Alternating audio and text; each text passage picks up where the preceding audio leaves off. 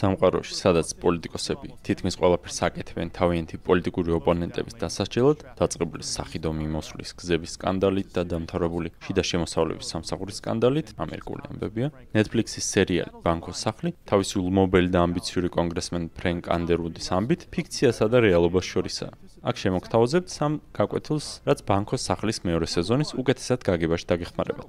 სეზონის, რომელსაც ყველაზე დიდხანს ველოდით. პირველი გაკვეთილი, როგორც ზოგადი პრინციპი, ჩვენ საკმაოდ სკეპტიკურად უნდა ვიყოთ განწყობილი პოლიტიკოსების მიმართ. ბოლოს და ბოლოს ადამიანების მოტივებს, რომელსაც ხობის მართვა სურთ, ეჭვის თვალით უნდა შევხედოთ. ბანკოს სახლში წარმოდგენილი პოლიტიკოსები არაფრით განსხვავდებიან სხვა ადამიანებისგან თავიანთი სურვილით. პირველ რიგში საკუთარი ინტერესები დაიგმაყოფილონ. მაგალითად, მიუხედავად იმისა, რომ იგი ელოდა ამ თანამდებობას, ფრენკს უარი უთხრეს სახელმწიფო მდივნობაზე და ამიტომ საკუთარი გეგმის განხორციელებას შეუდგა, რათა არსებითად შური ეძია და მაღალი თანამდებობა დაეკავებინა. ბანკოს სახლი მედიაში ხშირად წარმოდგენილი რომანტიზებული პოლიტიკოსის ძლიერი რეალისტური ალტერნატივაა. მეორე გაკვეთილი. ბანკოს სახლში განუწყვეტლივაა წარმოდგენილი კულუარული მფარველობით ვაჭრობა პოლიტიკოსებსა და თანამშრომლებს შორის, რაც თავის მხრივ სპეციალურ ინტერესებსა და ზოგჯერ საერთო ინტერესებსაც უკავშირდება.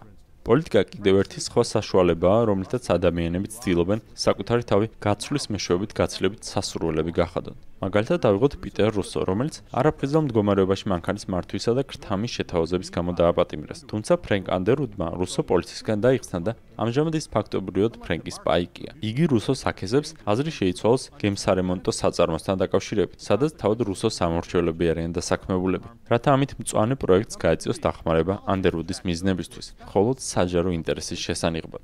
ბირჟისგან განსხვავებით, სადაც ორმხრივი სასარგებლო გაცვლები უზრუნველყოფენ საზოგადოებისთვის უნებლიე კეთილდღეობას, პოლიტიკური გადანაცვლების შედეგები ხშირად საზიანოა.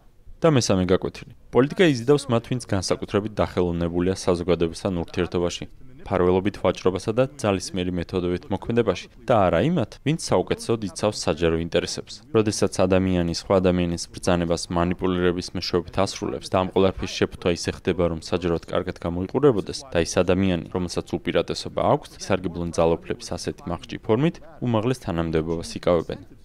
როგორც ამას ფრედრიხ ჰაიეკი წიგში გზაბატონებისკენ ამბობს, სწორედ ამიტომაა რომ უარესები აღწევენ უმაღლეს საფეხურებს. თუ ჩვენ გსურს გაცილებით მეტ ფრენკ ანდერუდს შეუშალოთ ხელი პოლიტიკურ კიბეზე ასვლაში, პოლიტიკის მოტივების შეცვლა გჭირდება. რათა პოლიტიკოსების ძალაუფლება შევამციროთ. ჩვენ გვჭირდება გაცილებით შეზღუდული მართლობა, სადაც არ იქნება ამგვარი სპეციალური მიკერძოების საშუალება. მიუხედავად იმისა, რომ ზოგიერთ ჩვენგანისთვის ბანკოს სახლის შესწვლა საკმაოდ ცინიკური იყოს, გაცილებით უკეთესია იგი დავახსიათოთ როგორც პოლიტიკის არარომანტიკული და რეალისტური გააზრება და ისეთი რამ, რასაც მხარდამჭერები ხავს პოლიტიკასა და ეკონომიკის თეორიაში.